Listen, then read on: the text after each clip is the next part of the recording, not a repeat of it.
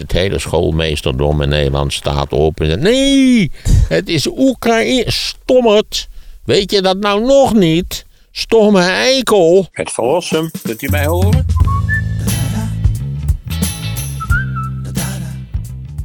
Ja, wat is het onderwerp eh, van vandaag? Het onderwerp is en, eh, de Sovjet-Unie na de Tweede Wereldoorlog. Ik weet niet hoe ver ik kom.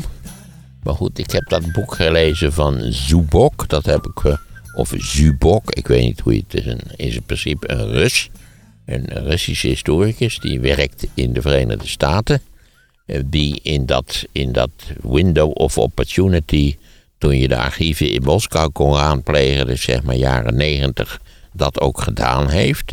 En daar allerlei interessante dingen uit heeft eh, opgediept. En die nu een boek heeft geschreven. Dat heet, dat bestaat al enige jaren overigens, eh Failed Empire. En die waren natuurlijk een heel evident thema. Omdat de Sovjet-Unie natuurlijk start met een, met een imperium als gevolg van de militaire ontwikkelingen van de Tweede Wereldoorlog. En dat dat imperium tenslotte gefaald heeft en uit elkaar gevallen is. Waarbij de grootste republiek Rusland nu in feite een soort, hoe zullen we dat zeggen, een soort regionale macht geworden is. Zij het dat ze op vervelende manieren de Oekraïne hebben aangevallen.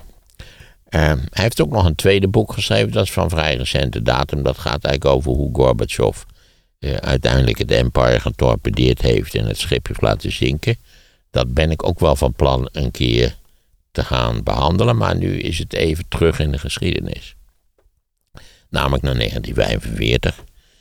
De Sovjet-Unie heeft getriomfeerd na, na natuurlijk twee eh, ja, dramatische jaren, 41 tot 43, en dan vervolgens in twee jaar de Weermacht toch beslissend verslagen aan het Oostfront. Ook voor West-Europa natuurlijk een, hele wezenlijke zaak. Wat stel je voor dat die 250 Duitse divisies niet daar hadden gestaan, maar aan de andere kant, dat zou er toch zou het er heel anders hebben uitgezien. Dus ja, de, de, Sovjet-Unie was in zekere zin in, in juichstemming in, de, in 45. Eh, men was eh, eh, tevreden dat men in feite een soort grote mogendheid was geworden. En daar moeten we meteen al in 45 een aantekening bij maken. Bij alle tevredenheid over de overwinning op de Duitsers was de eerste en de tweede atoombom, dus dat is 6 en 9 augustus 45, dat was eh, eigenlijk een enorme zeepert. Een soort, ze hadden plotseling het gevoel, we zijn toch, hè, we zijn een grote mogendheid geworden.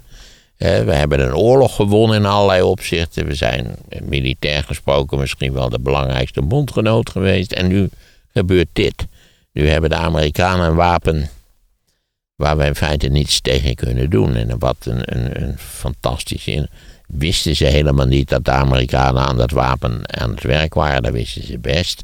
Er waren allerlei spionageactiviteiten natuurlijk. Maar toen de effecten duidelijk werden hè, in Hiroshima en in Nagasaki. Eh, eh, ja, toen eh, is Stalin zich wel een ongeluk geschrokken. En dat was eigenlijk een, een schrikreactie die heel veel hadden. Zo hebben, hebben we gewonnen. En nou gebeurt er dit. En vervolgens is natuurlijk ook weer zijn alle zeilen bijgezet om in een zo hoog mogelijk tempo een atoombom te bouwen. Eh, Ze hadden de beschikking over lui die dat eh, heel goed begrepen hoe dat allemaal in elkaar zat. Die zelfs gesuggereerd hebben dat ze misschien wel een betere bom zouden kunnen bouwen. Eh, omdat natuurlijk op zichzelf de kennis dat het ding gebouwd kon worden en ook daadwerkelijk explodeerde. Dat was natuurlijk, als je dat eenmaal weet, dan, dan weet je, je kunt het doen. Het kan. En dat is wat de Amerikanen natuurlijk bewezen hadden. Het kan. En, en dan stelt die, die, eh, die Russische chefontwerper, die stelt voor eh, om, om verbeteringen aan te brengen. Zegt Stalin, nee, geen verbeteringen. We bouwen gewoon precies zo'n bom als de Amerikanen hebben gebouwd. Die overigens twee verschillende bommen hadden gebouwd, maar dat is een probleem waar we nu vandaag niet in zullen gaan. Maar dus de zomer van 45 was eigenlijk een enorme schok door die twee atoombommen op Japan. Daar moet nog bij gezegd worden dat Japan toen eigenlijk onmiddellijk gecapituleerd heeft, 15 augustus 45. En eh, de Russen hadden eigenlijk plan, want Stalins verwachting was eigenlijk dat Japan nog wel wat langer in de oorlog zou blijven en dat misschien ook amfibische landingen op de hoofdeilanden noodzakelijk zouden zijn. En Stalin had zich graag gemeld voor een bezettings, een Russisch bezettingsgebied in Japan. Net als in Duitsland, nietwaar, het, het oostelijke deel van Duitsland Russische bezettingszone was geworden. Daar hebben we de Amerikanen de Russen heel wel bewust en betrekkelijk onbeleefd buiten de deur houden. Die hebben onmiddellijk gezegd, daar zal geen sprake van zijn. Want ik denk op dat op lange termijn een ontzettend handige en verstandige beslissing is geweest, eerlijk gezegd. Uh, op zichzelf was er dus een, een, een wel enigszins euforische stemming. We hebben die oorlogen verloren, maar daar is een groot maar aan verbonden. Die oorlog had immense effecten gehad in de Sovjet-Unie. En er is wat eens geschreven. Eigenlijk was die overwinning van de Sovjet-Unie op de Duitsers een Pyrrhus overwinning. De schade in, in het westelijk deel van de Sovjet-Unie was zo enorm dat het alleen al het herstel was een, praktisch onmogelijke onderneming. De Sovjet-Unie had eh, waarschijnlijk ergens rond de 28 of 29 miljoen mensen verloren. Eh, waarvan 9 eh, miljoen militairen.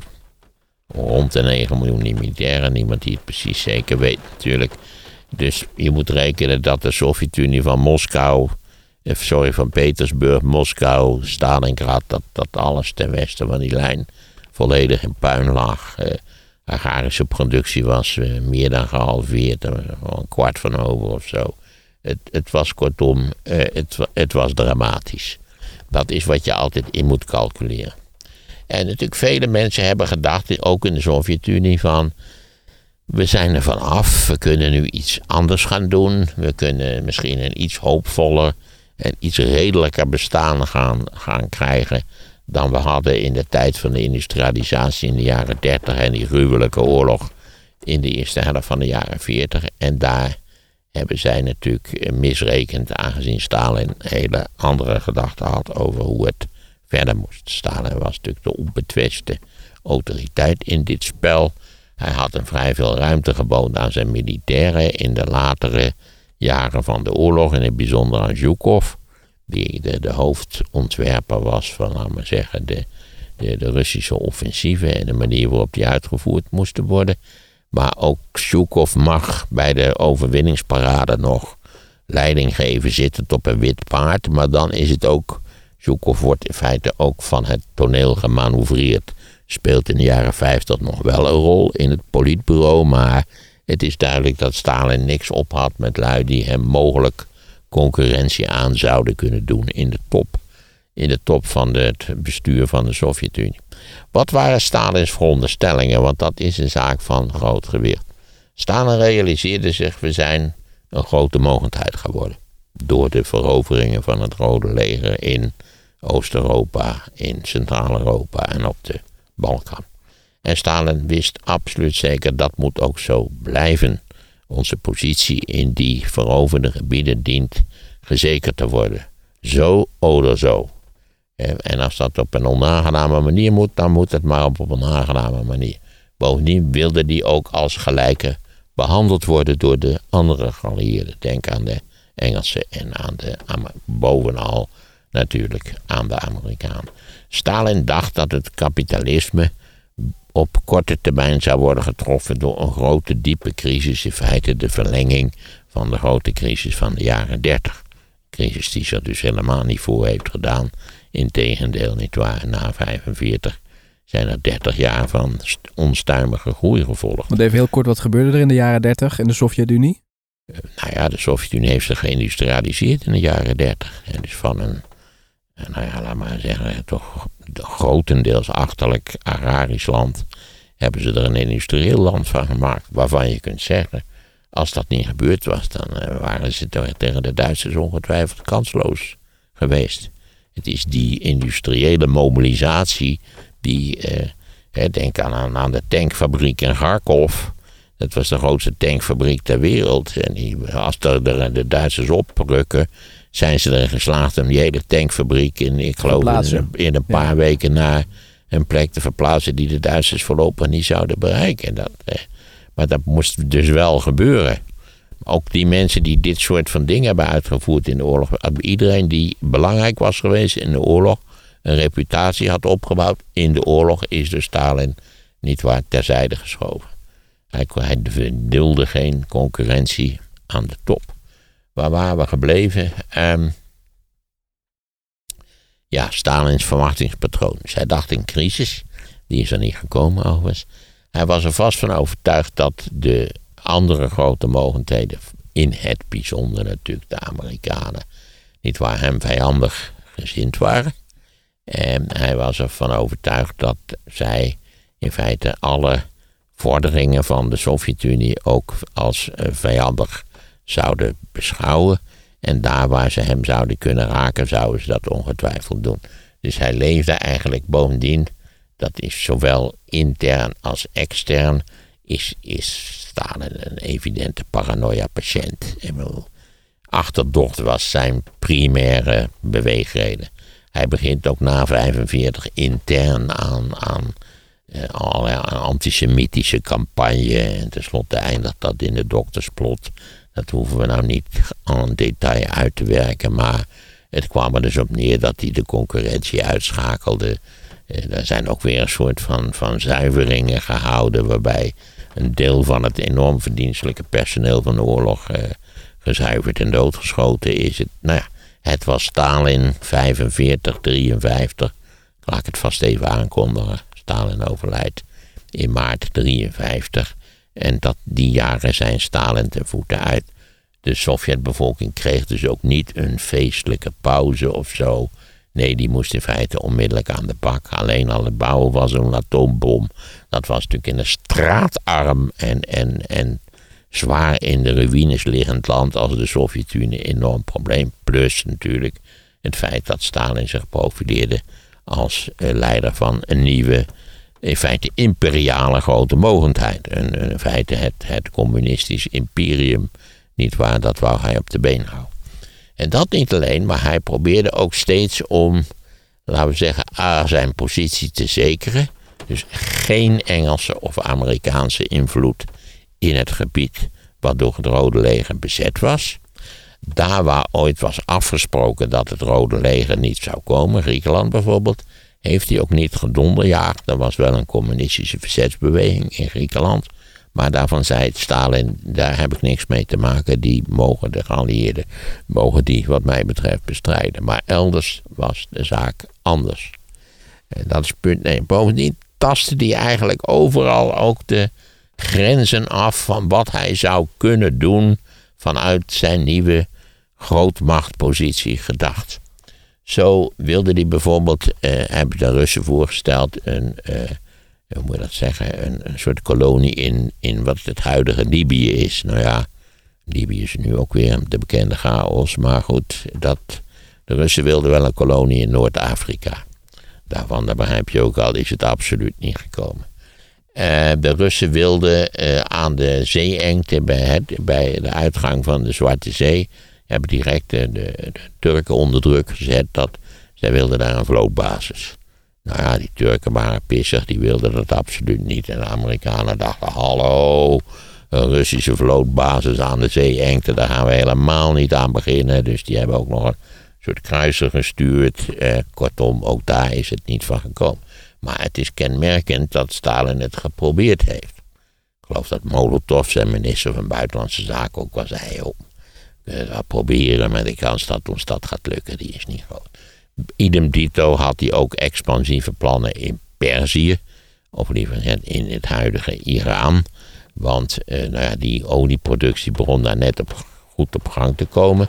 Die was vooral aanvankelijk door de Engelsen georganiseerd en vervolgens door Engelsen en Amerikanen georganiseerd.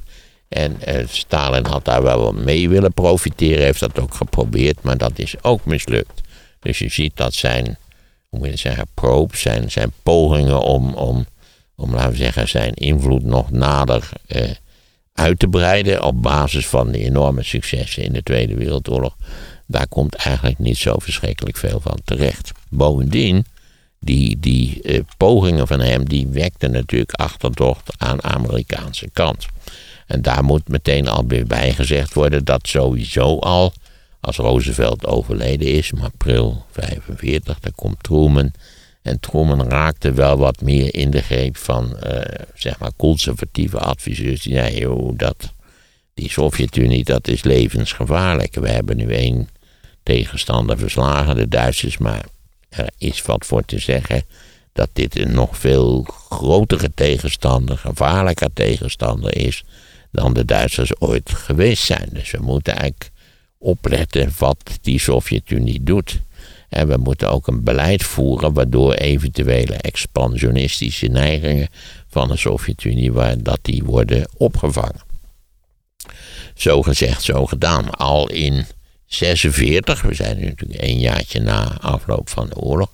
Al in 46 schrijft een medewerker van de ambassade, Amerikaanse ambassade in Moskou een telegram, een zeer omvangrijk telegram, wat in de literatuur bekend is geworden als de Long Telegram. Dat was George Kennan. En George Kennan zei, ja, wacht eens even, die, het hele idee dat je, dat je vriendschappelijke betrekkingen kunt hebben met de Sovjet-Unie is een waanidee. Want de Sovjet-Unie ziet ons als vijand. En de Sovjet-Unie zal alles proberen om in principe zijn positie te versterken op basis van een toch al enorm versterkte positie als gevolg van de Tweede Wereldoorlog. En hij stelt ook voor een specifiek beleid te voeren, namelijk containment. Dus het indammen. Containment is lastig te vertalen, het is een mooi woord, ook containment.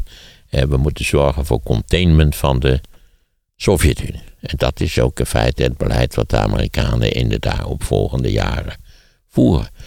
Stalin had in allerlei opzichten niks anders verwacht. Het is niet zo dat hij, dat hij zich in, het, in de snor gegrepen heeft en heeft gezegd van oeh, wat erg, wat een gemene rotzakken. Nee, hij wist al van tevoren dat het gemene rotzakken waren.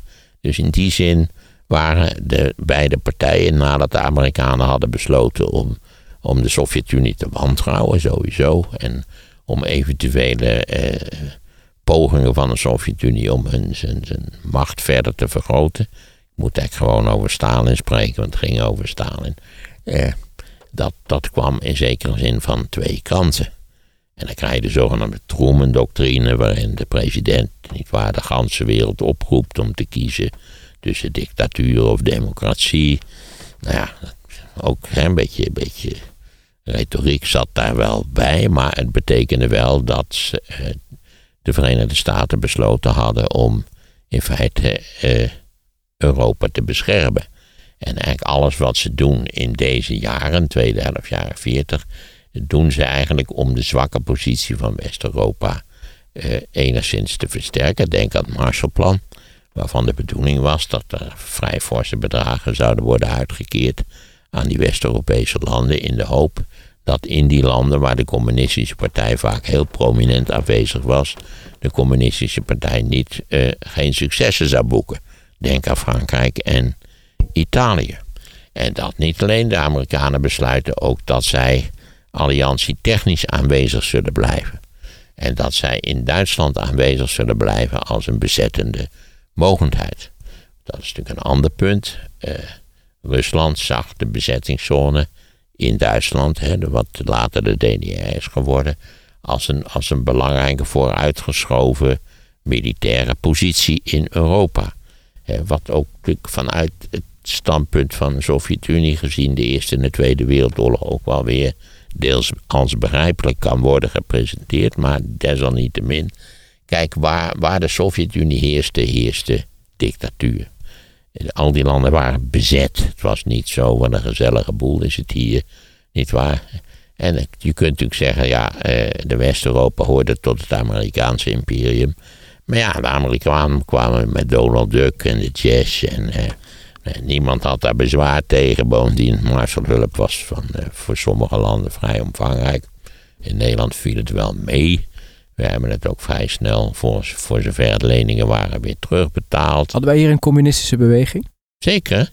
CPN was, eh, die was dat, uh, trok 10% van het electoraat. Dus dat was toch toen uh, tien zetels in de, in de Tweede Kamer. De Tweede Kamer bestond toen nog maar uit 100 leden.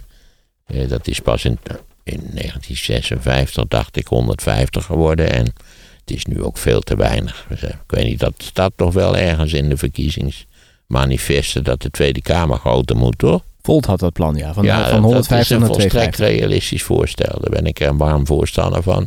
Nou, maar eens beginnen met 200. Dat is een heel, heel, gezien onze enorm sterk gegroeide bevolking, is dat een heel realistisch voorstel. Wel nu, de Amerikanen hadden dus besloten al om in Duitsland te blijven als bezetters. Wat natuurlijk voor allerlei mensen in Europa. Kijk, toen was, was de Duitse dreiging die was net, die was net verslagen. Dus dat, dat, dat, dat was iedereen nog, nog op het netvlies geschreven. Inclusief natuurlijk de gruwelen van de Holocaust, die geleidelijk aan duidelijk begonnen te worden in, in Europa. En nu eh, gingen de Amerikanen ook een officiële alliantie aan. Dit waren in de vorm van de NATO, de Noord-Atlantische Verdragsorganisatie, waarvan eh, eh, vrijwel alle West-Europese landen lid zijn geworden, afgezien van Zweden en Finland. Daarom is het ook zo interessant dat uiteindelijk, lang, lang, lang na de oprichting van de NATO, ook Zweden en Finland lid van de NATO zijn geworden. Wat toch ook in, in, in Moskou geschuurd moet hebben. Ja, dat, dat denk ik eerlijk gezegd ook wel. Mensen denken ook altijd dat als pendant van de NATO onmiddellijk het Warschau-pact is opgericht. Dat is niet zo. Het Warschau-pact is van 1955. En dat is eigenlijk opgericht omdat toen de westelijke geallieerden besloten hadden dat Duitsland eh, in feite herbewapend kon worden en dat er een Bundesweer zou komen. Dat is het moment waarop de Russen besluiten tot het Warschau-pact. Maar zover zijn we in feite nog lang en breed niet. Want wat er nog gaat gebeuren is namelijk de Koreaanse oorlog. Want die NATO aanvankelijk, dus zeg maar, en die is van, dateert van april 49. Aanvankelijk is die NATO meer een, een soort afspraak van de Amerikanen met de West-Europeanen. Jongens, mocht er iets fout gaan, dan staan wij paraat. We zullen jullie verdedigen. Eh, jullie zijn niet, eh, wel, jullie zijn nu machteloos en het stelt allemaal geen zak voor in West-Europa. De boel ligt in puin in allerlei opzichten, maar wij garanderen jullie je veiligheid op lange termijn. Hartstikke goed en hartstikke mooi, want laten we eerlijk zijn, in de luwte van Amerikaanse veiligheidsgaranties is West-Europa ongekend welvarend geworden in de decennia daarna. Maar nu eerst die Koreaanse oorlog, waarbij in feite Noord-Vietnam, Korea was net als Duitsland in feite in twee stukken verdeeld. Eh, ik zal zo nog iets over Duitsland zeggen trouwens. Eh, zal ik dat. Nee, laat ik dan nu maar even Korea doen. We schakelen zo nog even terug naar Duitsland. Korea was in twee stukken verdeeld. In het noorden was een communistische dictator aan de macht. En in het zuiden was een, een, een gewoon een rechtse dictator aan de macht. En ja, de communistische dictator dacht: dit is het moment om Korea weer te verenigen. Want die, die man in het zuiden, Syngman Rhee geheten, dat is een, die, die is lang niet zo competent en vechtlustig als wij zijn. Dus hup. Maar hij begreep wel. Battery low is het uh, hier. 02 zegt hij. Ik heb een nieuwe batterij bij me. Dus ah, goed zo. Zet hem er even in, dan pauzeer ik even. Zo. Wordt er, wel, wordt er naar gekeken naar die beelden? Ja, er wordt, er wordt meer geluisterd, maar er wordt ook naar de beelden gekeken. Maar er zijn meer mensen die naar de audio luisteren. Ah, gelukkig maar. Ik had nog wel mijn intelligente bril opgezet. Uh, voor het geval dat. Die ik helemaal niet nodig heb. Goed. Het zijn heel fijne ogende batterijtjes, zoals ik al eerder heb opgemerkt. Ja, dure batterijtjes, nee. Geen idee. Ik heb geen idee, nee. Het is niet zo dat je die losse, die zitten gewoon bij dat dingetje erbij. Oh, die krijg je erbij. Ja, ja, die zitten erin. Zo. Nu staat hij weer aan. Ja, ik zie het. Zie mezelf zitten. Met die bril waar ik helemaal niet goed mee kan zien op korte, korte afstand. Ja, dus die Noord, want dat was wel duidelijk dat die, hoe heet het, die dictator in Noord-Korea, Kim Il-sung geheten. Dat is de opa van het huidige jong mens wat er nu zit. Het is een, een familiedynastie, eigenlijk ook een, wat een wonderlijke ontwikkeling heb je toch in de wereld, niet waar? Dat, dat die communisten tot, omdat die opvolging zo'n enorm lastig probleem is, niet waar? Heb je ook dus familiedynastie. En dit is Ja. een familiedynastie. Hoe krankzinnig dat ook mogen zijn in een, in een verondersteld uh, arbeidersparadijs als uh, Noord-Korea. Maar wel even voor de duidelijkheid, want we hebben het nu over Korea of Vietnam, want je noemde net ook Vietnam. Oh, sorry, Vietnam. Nee, het gaat om Korea. Korea, ja. Noord-Korea en Zuid-Korea. Want in, in, Vietnam hebben we in principe ook zo'nzelfde situatie ja, gezien. Ja, precies. Maar daar komen we later over te spreken, maar dat kan wel even duren. Zover zijn we nog lang niet. Maar uh, Kim Il-sung is wel toestemming gaan vragen aan Stalin. Want zonder steun van Stalin dacht hij, gaan we dat ook niet doen. En aanvankelijk zei Stalin, nou ja, ik ben er niet zo geweldig voor. Maar tenslotte besluit Stalin hem toestemming te geven. Onder voorwaarde dat hij zelf geen troepen zal leveren. Wat er ook gebeurt, geen Russische troepen. Ze hebben tenslotte wel Russische luchtsteun gegeven, maar geen Russische troepen. En waarom is, heeft Stalin waarschijnlijk besloten om dit te doen? Om meerdere redenen. Ten eerste was er een Sovjet-atoombom ontwikkeld en succesvol ontploft in, ik denk september 49 ongeveer. Daar kwam bij, ook in het najaar van 49 hadden de communisten gewonnen in China.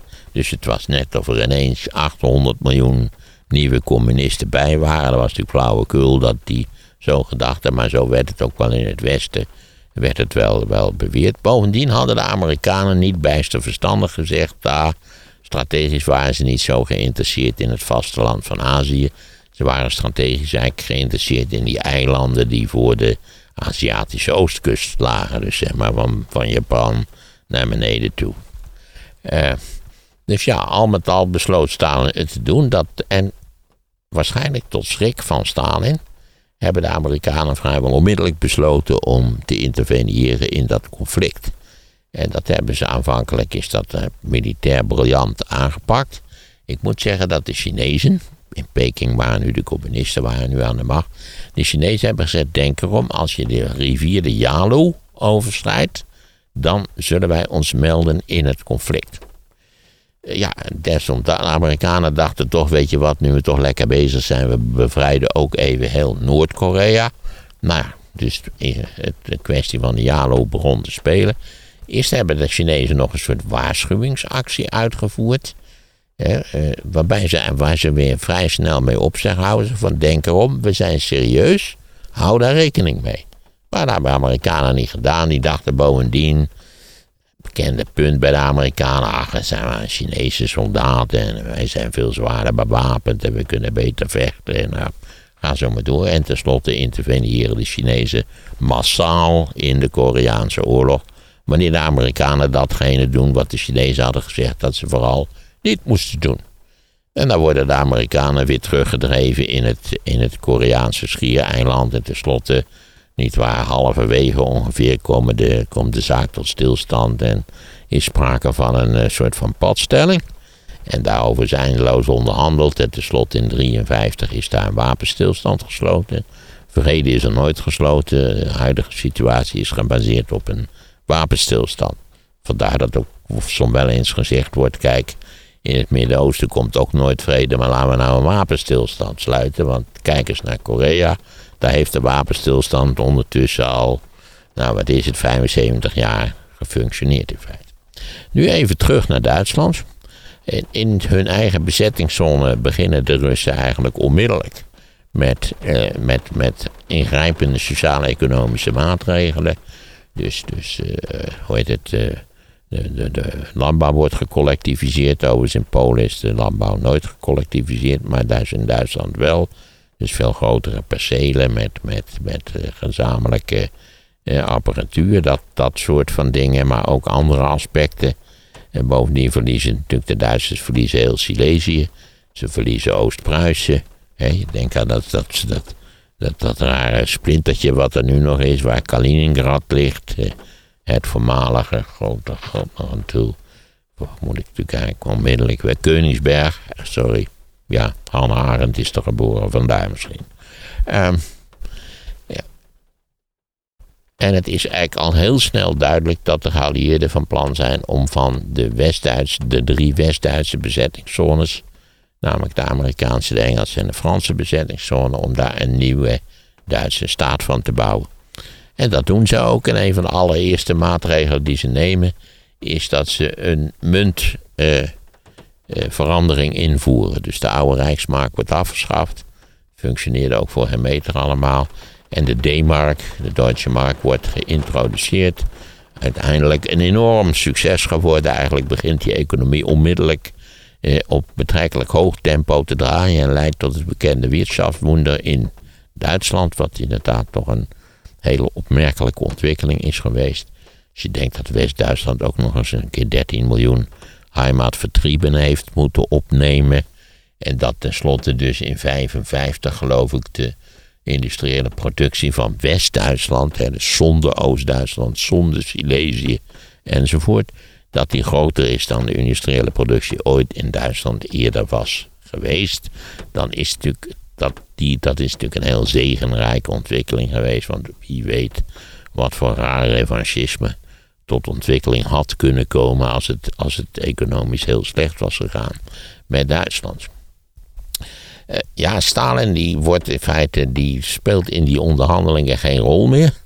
Uh, en dan is hij tenslotte zo boos over deze ontwikkelingen. Misschien ook wilde hij de andere geallieerden dwingen om hem alsnog weer uit te nodigen. Dat hij besluit tot een blokkade van Berlijn. En ongelukkigerwijs was de toegang tot Berlijn lag natuurlijk midden in de, in de oostelijke zone, in de Russische zone. En de stad was ook weer verdeeld in vier bezettingszones. Een Russische zone aan de oostkant en Franse en Engelse en Amerikaanse zone. Het was overigens altijd zo dat je werd. Het grootste geluk van de wereld is dat je in de Amerikaanse zone lag. De Amerikanen stopten er veel meer geld in. Economie begonnen. Je kreeg Donald Duck erbij. Dus, ja, ik kom altijd terug op die Donald Duck. Maar ik weet nog dat op mijn schoolplein van de lagere school. Ik denk in 53, maar ik weet niet zeker. werd voor het eerst gratis een eerste nummer van de Donald Duck uitgedeeld. Geweldig. Waarin het verhaal Donald Duck eh, als brandweerman stond. Een van de meest meestelijke verhalen van degene die al die meestelijke verhalen verzon, namelijk Karl Barks. Maar het was natuurlijk toch een soort. Kijk, Amerika heeft altijd enorm. Dat noem je soft power. de, de, invloed van muziek, eh, zangeresjes. Oh, het is echt. Het is echt noodweer. het is ongelooflijk werkelijk. Uh, soft power. Amerika is een land wat, wat een immense soft power genereerde.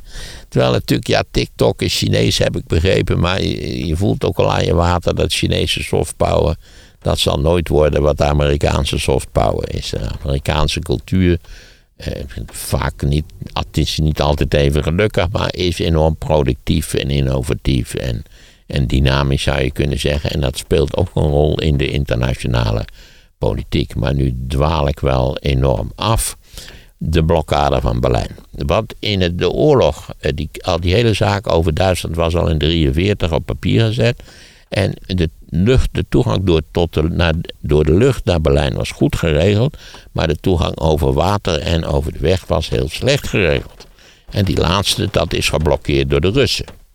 Natuurlijk met assistentie van die Oost-Duitsers. Die dat ook allemaal leuk vonden natuurlijk. En ik denk dat Stalin toch vermoed heeft dat de geallieerden zouden zeggen... nou ja, sorry, maar dan moeten we Berlijn maar opgeven. Want dat, dat op deze manier... Want ja, je moest 2 miljoen mensen... moest je in feite in leven zien te houden. Eh, terwijl in feite de toegang tot de stad geblokkeerd was. En dat leidt tot de fameuze luchtbrug naar Berlijn... Die hebben ze een klein jaar hebben ze dat uh, volgehouden. Dus met van die Dakota's, uh, met van die C-47's, hebben ze in feite die, uh, die luchtbrug uitgevoerd. En in feite voor 2 miljoen mensen brandstof, voedsel en alles wat noodzakelijk is per vliegtuig aangevoerd. En dan haalt Stalin bakzeil, hij begrijpt, hij heeft verloren en dan, niet waar, schikt hij zich naar de in feite naar de nieuwe situatie. Dat is dan dus in 49.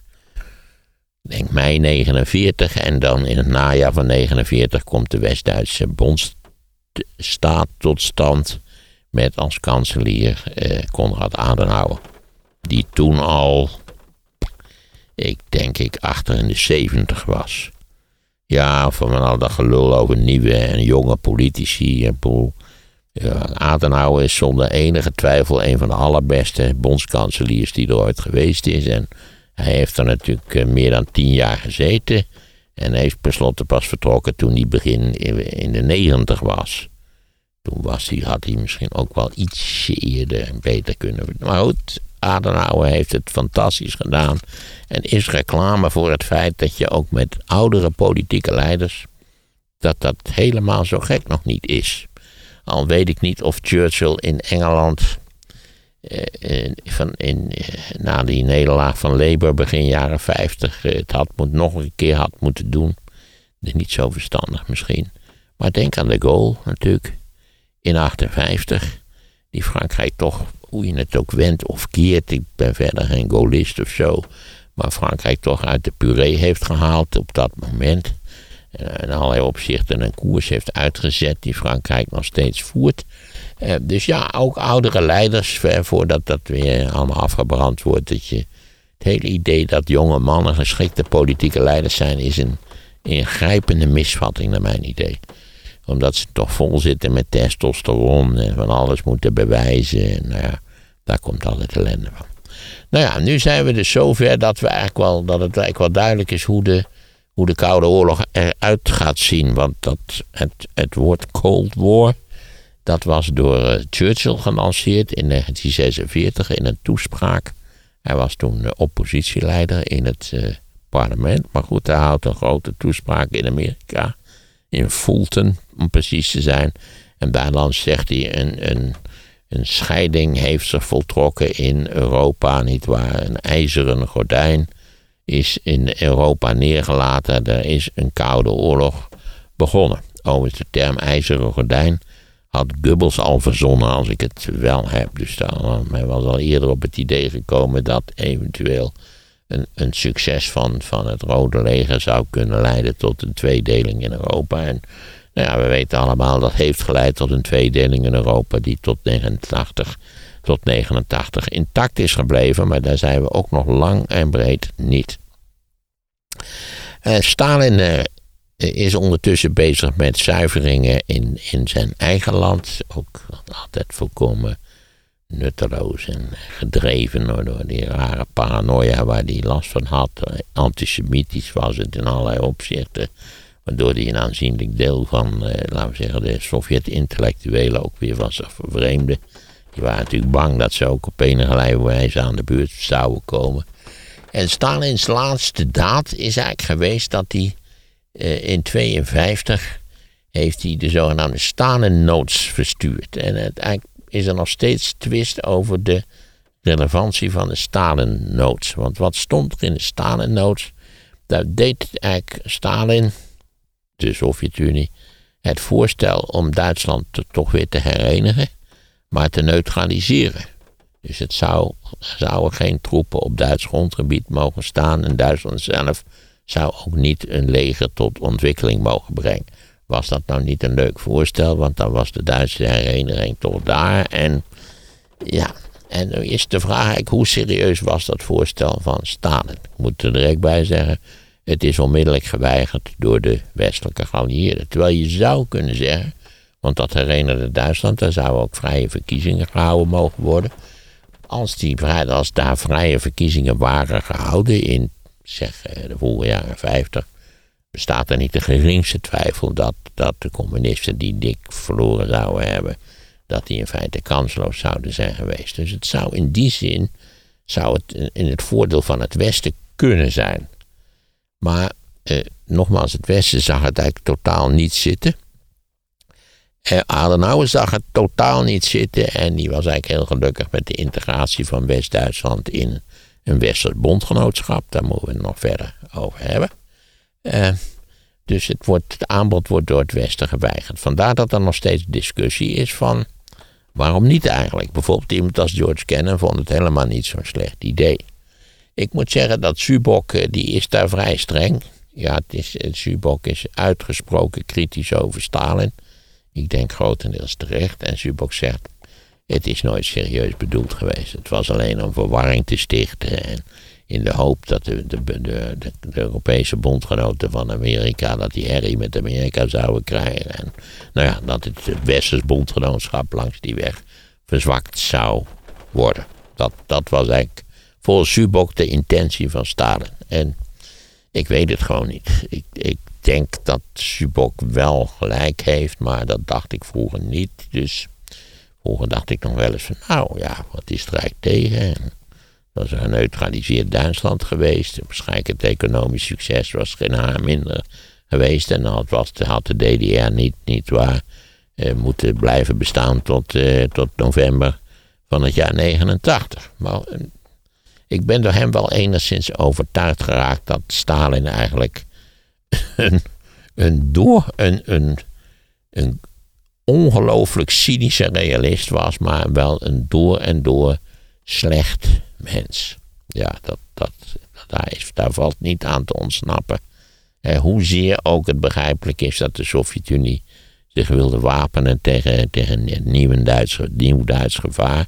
Want dat moet ik er nog bij zeggen. Stalin was ervan overtuigd dat de Duitsers na twintig jaar herstel gewoon weer overnieuw zouden beginnen tegen de Sovjet-Unie. Oké. Stalin overlijdt in maart 53. Moet natuurlijk opletten dat dit verhaal niet te lang wordt, dus daar moet jij even opletten. Ik heb geen idee. Eh, want het moet sowieso eh, in, moet het verdeeld worden of, van, voordat we in 89 zijn. Ja, ja verschillende delen. Valt er nog eh, veel te bespreken. Dus. Maar geef jij maar aan waar, waar je zegt van oké, hier is een, uh, een logisch moment om een tweede deel te beginnen. Oké, nou, nou nu nog niet. Oké. Stalin gaat eerst dood. Die gaat verschrikkelijk, gaat gruwelijk dood. Want Stalin krijgt een hersenbloeding. Liggend op een canapeetje in zijn dacha. En, en nou ja, het is duidelijk, het bedienend personeel denkt, oh jee, Stalin is niet goed geworden, maar ze durfden er niks aan te doen. Want iedereen was zo godvergeten bang voor Stalin. Dat ja, als je maar ging verleggen of zo en, het, en hij zou weer beter worden. En het zou blijken dat je iets verkeerd had gedaan, dan was je het meteen vergeten. En dan werd je meteen doodgeschoten, zou ik maar zeggen. En dus zijn, zijn uh, politbureau wordt op de hoogte gebracht. Dus de leidende figuur in het politbureau Malenkov, Mikojan, uh, Beria, Molotov en Khrushchev. Dat soort lui wordt op de hoogte gebracht. En nou ja, die zijn ook zo ontzettend bang voor Stalin dat ze niks durven te doen. Ja, wat, wat, ze zeggen ook, we gaan kijken naar die Dacia. Maar ja, het uh, nou Stalin heeft daar in feite op gruwelijke wijze twee dagen dood liggen gaan. En waarom was dat zo? Waarom kon hij niet, niet eh, behoorlijk verzorgd worden? Omdat iedereen doodsbenauwd voor hem was. Dat is natuurlijk ook een. Niet waar, hij werd eindelijk gestraft voor. Ja, als je dat straf wil noemen, maar. Voor natuurlijk de gruwelijke wijze waar die, waarop die in, in de loop der tijden met zijn collega was, over, was omgegaan. Hij heeft bijvoorbeeld, terwijl Molotov minister van Buitenlandse Zaken was, liet hij de vrouw van Molotov arresteren. Dat je ook denkt, wat een, wat een land, wat een, wat, een, wat een complete waanzin. En hoe is het nou toch gods mogelijk dat in zo'n politbureau zo'n zo'n idioot als Stalin aan de macht komt? Nou ja. Maar wat is de reden dan dat hij die vrouw liet arresteren? Ja, die, ik geloof dat de Molotov-vrouw Joods was, maar dat weet ik niet helemaal zeker. Maar, maar ook waarschijnlijk om, om Molotov te pesten. om Molotov bang te maken van, oh jee, hoe je, dan, hoe je dan met je baas omgaat als die ondertussen je vrouw laat arresteren, dat weet ik ook niet precies. Maar het, het, is, het is gruwelijk. Het is echt gruwelijk. Er is zo'n verhaal dat, dat komt uit dat boekje van Milo van Gilas. Dat heet Conversations with Stalin. Dat, dat ook, dat er werd enorm gezopen door dat politbureau. Dus s'avonds gingen ze aan de drank. En hadden ze één keer per week, geloof ik, hadden ze een vruchtensapdag. Dus dan moesten ze een beetje van de drank afkicken. Maar Gilas komt met een verhaal dat Stalin dan, ze hebben weer behoorlijk zitten zuipen. En dan zegt Stalin tegen, tegen Khrushchev, die enigszins gedrongen en dikke man was. Uh, uh, Khrushchev, jij lijkt Nikita, want ze heette die van voren. Jij lijkt sprekend op een beer, jij moet maar eens een dansende beer spelen. Ja, je zegt Khrushchev nog ja, liever niet, en niet zo'n leuk idee. En, jij moet een dansende beer spelen. En ja, je wist, eh, eh, dat als die boos werd, dan was je de klos, dat overleefde je niet. Dus ja, eh, Nikita Khrushchev heeft daar een dansende beer gespeeld. Eh, volgens Milo van Gilas. Over zijn boekje, wat ondertussen een beetje vergeten is geraakt. Maar het biedt wel een heel ongelukkig inkijkje in. Wat een toestand. Hoe heet het toch een keer? Conversations with Oh ja. Stalin heet het. Dus het is een heel dun boekje. Het was ooit een Pelican special in mijn herinnering. Maar ja, ik stond er toch, toen ik het las, stond ik er toch, eh, zat ik er toch van te kijken, moet ik je wel bekennen. Ja, nu is Stalin dus dood. Wat nu? Want wie, wie moet hem opvolgen? In dit soort van landen waar de opvolging dus niet geregeld is, dat is het fijne van een democratie. Je weet altijd als de zittende minister-president, eh, als die het vertrouwen van de volksvertegenwoordiging verliest, ja, dan krijgen we verkiezingen. In principe in een land als Nederland krijgen we dan eh, de leider van de grootste partij, die mag de minister-president of zelf zijn, of hij mag iemand als zodanig aanwijzen. Maar niet, niet in dit soort van, ja, totalitaire systemen.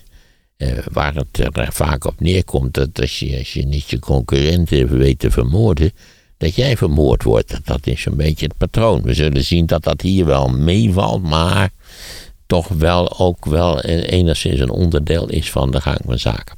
Al heel snel eh, vormt zich een soort trio, wat, wat duidelijk de nieuwe macht, de minimummachthebbers zijn, dat is Balenkov. eh, en eh, Beria, de voormalige chef van de, of de chef van de geheime politie van de KGB. En Khrushchev. Eh, iedereen denkt dat, dat of Malenkov, maar toch waarschijnlijk Beria tenslotte de echte baas zal worden. En Khrushchev, eh, die, die, wordt eigenlijk, die staat een beetje in de schaduw. Maar het, verhaal is tenslotte heel anders afgelopen. De kwestie is dat hij in dat, in dat eerste jaar. Eh, dan. eh, als dus niet duidelijk is wie precies de macht zal, zal krijgen. Beria ook, ook beleidsmatig een, een belangrijke rol speelt. Waarbij hij overigens gesteund werd door Malenkov. En dan komt dat plan weer terug over Duitsland. Moeten we niet. Is het niet veel verstandiger om. Het is duidelijk dat dat trio. Eh, met, met dat hele idee van de, de, eh, de, de andere geallieerden, dat is de vijand. En zijn, ze zijn nooit te vertrouwen. Het is duidelijk dat zij opereren met een idee. We moeten die betrekkingen met die anderen. Met, met de rest van de wereld. die moeten genormaliseerd worden. We kunnen niet op die paranoïde eh, weg voortgaan als eh, waar Stalin ons opgeleid heeft. Ze zien de tekorten wel in. Zij waren ook, zeker Beria waarschijnlijk, de bedenkers van, eh, misschien ook wel van die Stalin-notes. En zijn, het voorstel is toch weer, weer terug. Laten we Duitsland herenigen. Laten we over die kwesties in Europa in gesprek gaan met onze voormalige geallieerden. En eh, als dat ja, dat gesprek is niet aangegaan. Overigens, Churchill, toen weer minister-president in Engeland geworden. Die was daar wel voor. Die zei, laten we nou met ze gaan praten. Want dit, dit is een moment waarop een zekere opening is ontstaan. Omdat dit zijn eh, weliswaar lui uit het bestaande politbureau. Maar het is zo klaar als een klontje dat ze niet van plan zijn om Stalins beleidslijn te volgen. Maar daarvan is het niet gekomen. Het is niet tot besprekingen gekomen. Of die bespreking iets zou hebben opgeleverd, weet ik niet. En zodoende is de DDR, niet waar, die was ook tot stand gekomen in 1949. Die arme DDR-burgers die hebben nog eh, tot 89 in de DDR gewoond.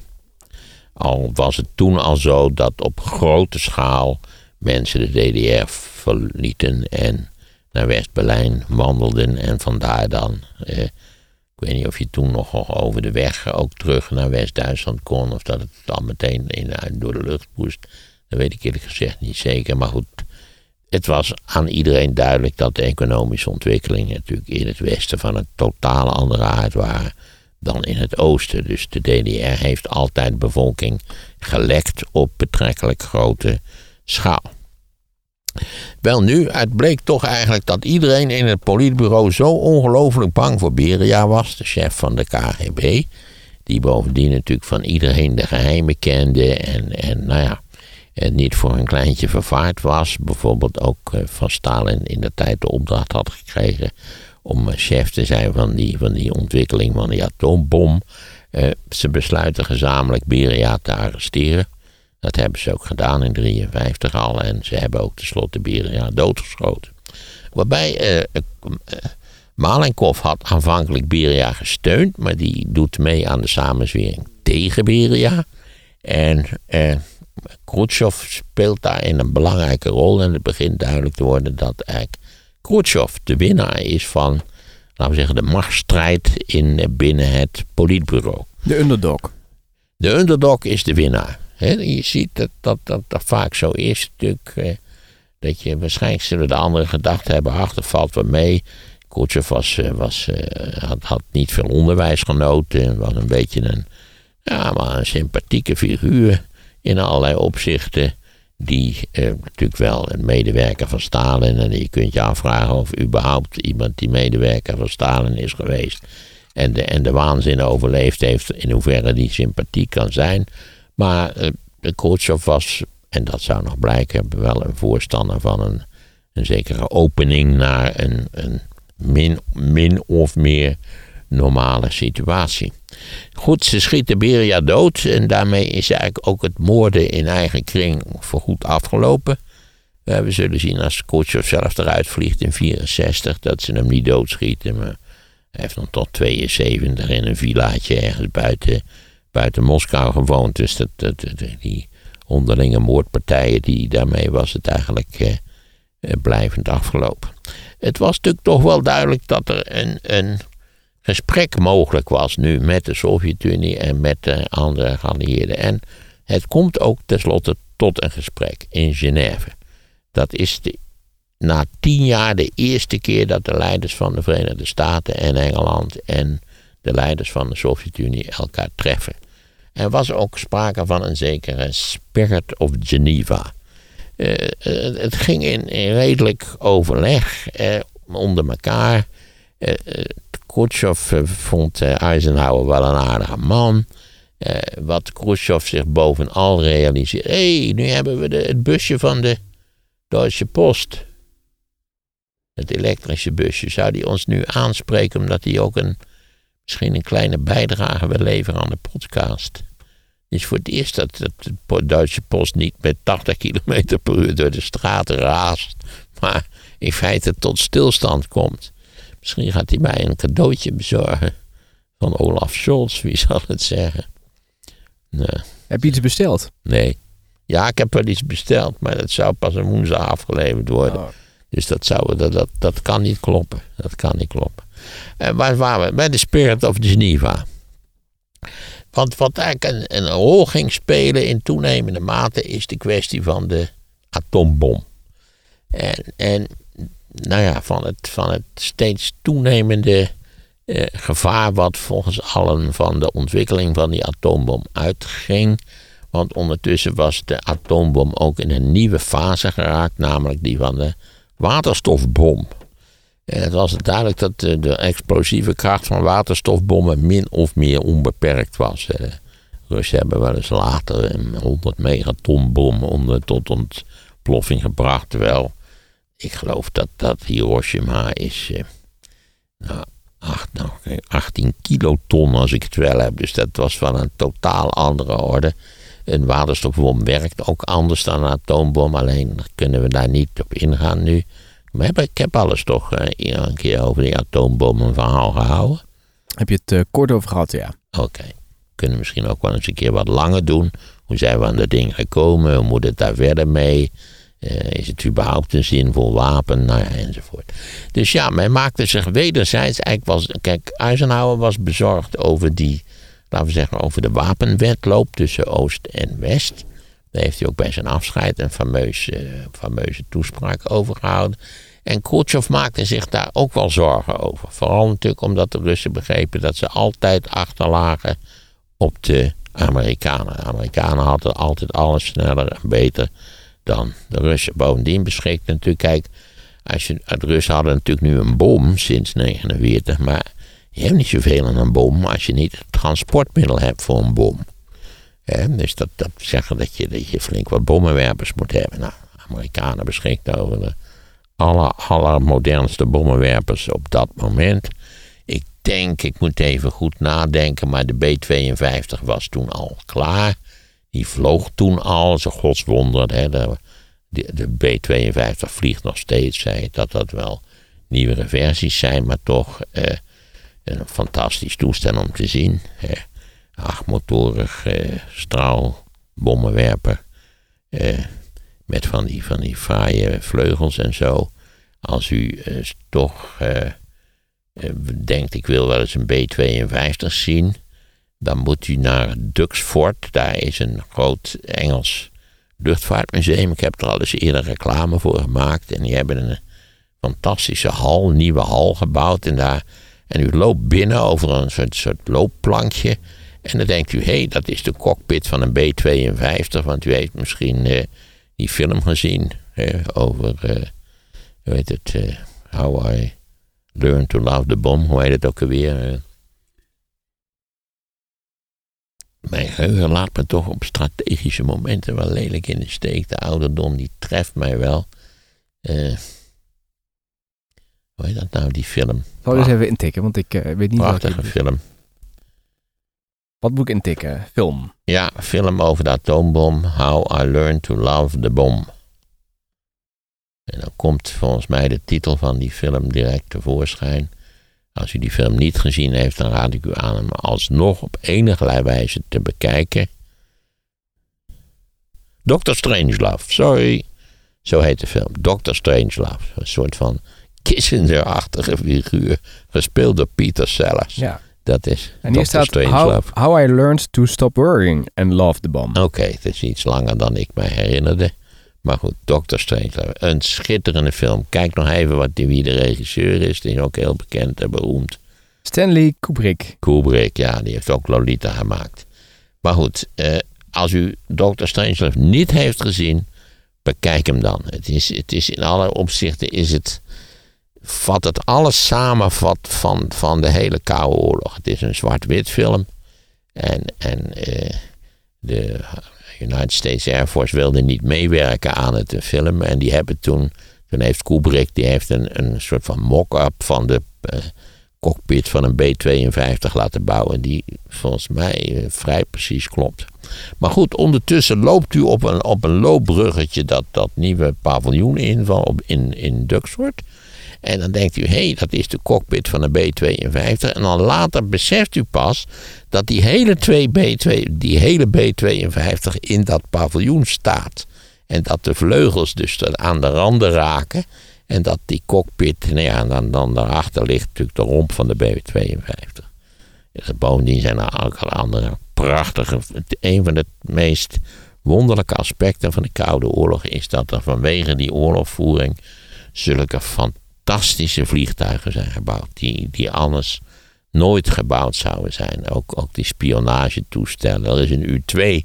in- Nou, ga naar Duxford. Als u het interesseert, ga naar Duxford. Heeft vast wel een neefje die het ook enorm leuk vindt om zo'n ja, hè, ook zo'n Heinkel-bommenwerper te zien. Of een, of een Messerschmitt eh, eh, 109. Of, of een Spitfire natuurlijk. Duxford. Eh, Overigens hebben- is er ook in Nederland een militair museum. En ik moet u zeggen, dat is die connectie daar. U moet ervan houden, dat spreekt voor zich. Maar de connectie daar is zeer de moeite waard. Hè, als u zich je afvraagt hoe groot is zo'n Leopard tank nou. En zo'n Leopard 2 tank, hoe ziet hij er eigenlijk uit? Dat, dan kunt u daar uw hart ophalen. En ze hebben ook bovendien allerlei hele interessante vliegtuigen. En waar is dat? In Soesterberg, Soesterberg, precies. Ja. zeer de moeite waard. Ehm, en daarna kunt u, is er zo'n winkeltje, dus dan kunt u al militaire kleding kopen. Of een modelletje van een vliegdekschip. Of dat, dat Het soort- is een enorm groot gebied daar, hè? Ja, daar in Soesterberg. Ja. Ja, want er hoort natuurlijk een, er hoort een vliegveld bij. Ja. Maar dat wordt ook wel grotendeels voor, voor woningbouw gaan ze dat eh, gebruiken. Is dat zo? Volgens mij. Ja, Ah, oké. Ja. het, het grootste deel van het vliegveld wordt volgens mij voor woningbouw gebruikt. In de toekomst. Ik weet niet hoe ver we Hmm. nu zijn. Wie weet, nou ja, dit is een goed voorbeeld van... Ja, je hebt een groot gebied, je kunt er woningen bouwen, maar het gebeurt niet. En de shelters staan daar ook nog steeds? Ja, of er zijn, er zijn eh, bezwaarschriften of eh, procedures. En nou ja, er gebeurt in feite niet zo verschrikkelijk veel. Wij waren ondertussen gebleven bij de Spirit of Geneva en de wederzijdse zorg over de wapenwetloop, in het bijzonder de nucleaire wapenwetloop. En Khrushchev die zei, god, die Eisenhower is een hele aardige man.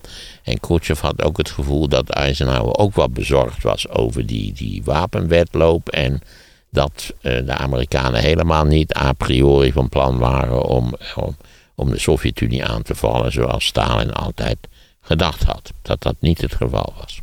Dat was eigenlijk, want verder is er niet zo verschrikkelijk veel besloten in Geneva. De Spirit of Geneva was eigenlijk al ja, toch een signaal dat, dat er de stemming, de aard van die Koude Oorlog, althans tijdelijk eh, iets minder was geworden. Nu, nu, dit zou een, een puntje kunnen zijn om het af te sluiten en met Khrushchev door te gaan. Eh, ik weet niet hoe lang heb ik al nu over die, die... Ik denk een uurtje ongeveer. Oh, nu al een uur? Ja. Oh, dan is het verstandig dat we nu over... Hoe laat is het? Ik heb geen idee hoe laat het eerlijk gezegd is. Even kijken. Tien voor vier. En laten we dan Khrushchev eh, tijdelijk aan zijn lot eh, overlaten. Want eh, in ja, de Koude Oorlog warmt weer wat op, zullen we zien. Als Khrushchev in 58 plotseling besluit dat de Berlijnse kwestie geregeld moet worden. Wel, Ja. wel begrijpelijk natuurlijk. Ik had net al gesignaleerd dat natuurlijk de DDR die heeft altijd personeel gelekt. Dus zodra je iets kon, dan vertrok je als een scheet naar het westen natuurlijk. En ja, met als gevolg dat die DDR niks kon worden in allerlei opzichten. Maar daar gaan we dan, hoe dat afloopt, dat, want dat was toch een soort ultimatum van Khrushchev aan het westen. Die zaak in Berlijn moet geregeld worden. Dat loopt tenslotte op een hele eigenaardige manier af. Daar gaan we het dan over hebben. Is dat in het volgende deel? In het volgende deel loopt dat af. En in het volgende deel ga ik een heel eind door tot en met het afzetten van Khrushchev. Dan hebben we nog de Cuba-crisis. Khrushchev wordt eruit, de laan uitgestuurd in 64. En mocht eh, gewoon doorleven, ze hebben hem niet vermoord. En dan wordt de Brezhnev aan de macht. En dan beginnen we met de detentpolitiek. En dan tenslotte ga ik ook nog iets zeggen, want dat is erg leuk bij Zubok over zeg maar de stemming in de Sovjet-Unie. En, en dat er toch een soort, soort ja, moderne intelligentsia ontstaat die in allerlei opzichten hoogst ongelukkig is met de hele gang van zaken. En Vietnam? Vietnam, dat is natuurlijk eigenlijk iets wat voor de Russen een heel andere propositie was dan voor de Amerikanen. Want de Russen vonden het eigenlijk wel dat Amerika zo ongelooflijk stom was geweest om zich in dat moeras te begeven. Dat gaf hen in feite mogelijkheden. Hmm. Dus dat komt wel, maar is eigenlijk een typisch Amerikaanse zaak. En ga je ook nog iets zeggen over het huidige conflict in Oekraïne in relatie tot dit verleden? Nee, dat denk ik niet. Met dien verstande dat volgens mij Khrushchev. Eh, maar wat ik ook nog natuurlijk moet zeggen. Dat, eh, dat betreft 1956. Maar ja, we hebben nu ges- gestopt met de Spirit of Geneva. Ehm, namelijk dat eh, Khrushchev eh, Stalin aanvalt. En zegt dat die Stalin een ongelofelijke boef geweest is. En dat, dat had een een enorme uitstralend effect eigenlijk in het hele Sovjet-imperium. Maar goed, dat moet dan dus ook nog gedaan worden. Maar Khrushchev heeft ooit de Oekraïne cadeau gedaan. Eh, nee, hoe was het anders? Het ging over de Krim, sorry. Uh, Khrushchev heeft ooit de Krim aan Oekraïne cadeau gedaan. Eh, want ook de Sovjet-Unie bestond uit verschillende republieken. Al was de werkelijkheid natuurlijk dat die geen bal te vertellen hadden. En, en om de Oekraïne te belonen, omdat de Oekraïne van, van, van alle gebieden in Rusland eigenlijk het meest had geleden onder de Duitse eh, inval en, en bezetting, heeft hij ter beloning van het dappere gedrag van de Oekraïners de Krim aan Oekraïne cadeau gedaan. Terwijl die eigenlijk normaal tot Rusland behoorde. En nou goed, dat speelt nu nog steeds in kwestie van wie is de Oekraïne eigenlijk. Zuiver volkenrechtelijk hoort de Oekraïne bij hoort, sorry, hoort de Krim bij de Oekraïne. Maar je kunt historisch gezien kun je zeggen, nou ja, is dat nou zo? Is dat nou niet zo? Maar goed, de Oekraïne zegt geen gelul. Eh, datgene wat zich verzelfstandigd heeft in 91, dat hoort bij ons, dat zijn wij.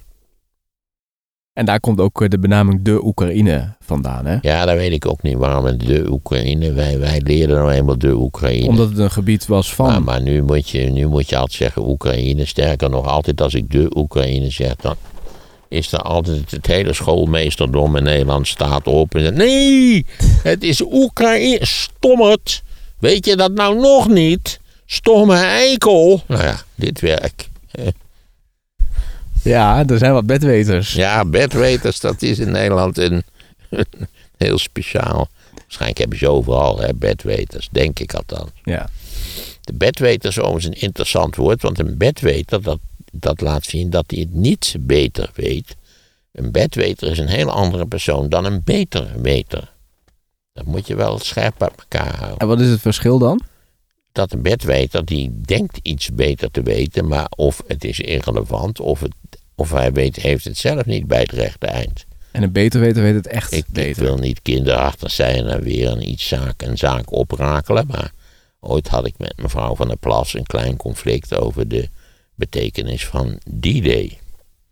En zij beweerde dat zij wist hoe dat was, maar zij bleek een bedweter. Hm. En ik bleek een beterweter. Ja, je begrijpt hoe fijn het is om dit nog eens even aan te punten. Eigenwijs portret. Goed. Maar er zullen ook mensen zijn die zeggen, ja, maar hij had wel ook eh, de inval in Oekraïne verkeerd. eh, Ja, ja daar, bij, bij alle gelegenheden is er altijd iemand die nog zegt: Ja, meneer Volsman, ik wil u toch, nu, nu ik u toch zie, eens vragen: hoe, hoe, hoe komt het nou dat u dat zo volledig bij het verkeerde eind had? En het gekke is dat, dat het gaat erom dat dat gesignaleerd wordt, want dan ga ik uitleggen waarom ik het volledig bij het verkeerde eind had. Dat is namelijk een prima en vrij rationele verklaring voor. Maar dat willen ze helemaal niet horen. Het gaat erom dat er geconstateerd wordt dat ik ongelijk had. Waarbij zij natuurlijk altijd de suggestie wekken dat zij in de tijd gelijk hadden. Maar ja, dan zeg ik altijd: sorry meneer, dat geloven wij niet a priori. Heeft u een notariële verklaring afgelegd in, eh, was het 24 februari vorig jaar, eh, eh, dit jaar, sorry. Eh, nee, 24 februari 2022. Kijk, gelijk, ik ja. ben het ook in het jaar, in het jaartal. Ja, want het, niets is zo makkelijk als gelijk achteraf. Ja. Als niemand u ooit beluisterd heeft bij het uitspreken van het gelijk of het ongelijk. Ja. Ja. We Maar nog... goed, Johannes Khrushchev die overleeft nog even tot 64. Ja, een beetje een vreemde figuur in allerlei opzichten. Zoals we zullen zien. Nee, het is Oekraïne. Stommerd. Weet je dat nou nog niet? Stomme eikel. Ga lekker naar huis koken, veel beter. Twee weken geleden is de LPF op de fles gegaan. Althans hier. Verder is het al wel iets eh, langer geleden. Het populisme door de ogen van Maarten van Rossum. En natuurlijk het, het echec van de LPF creëerde eigenlijk opnieuw ruimte ter rechterzijde van het Nederlandse politieke spectrum. En de vraag was toen eigenlijk wie gaat die ruimte opvullen? Download het luisterboek via de link in de beschrijving. En in de podcast Sea Level is nu de eindbaas van KPMG te gast, Stephanie Hottehuis. Zij reageert op de snoeiharde kritiek of consultants de economie kapot maken. De aflevering luister je via de link in de show notes.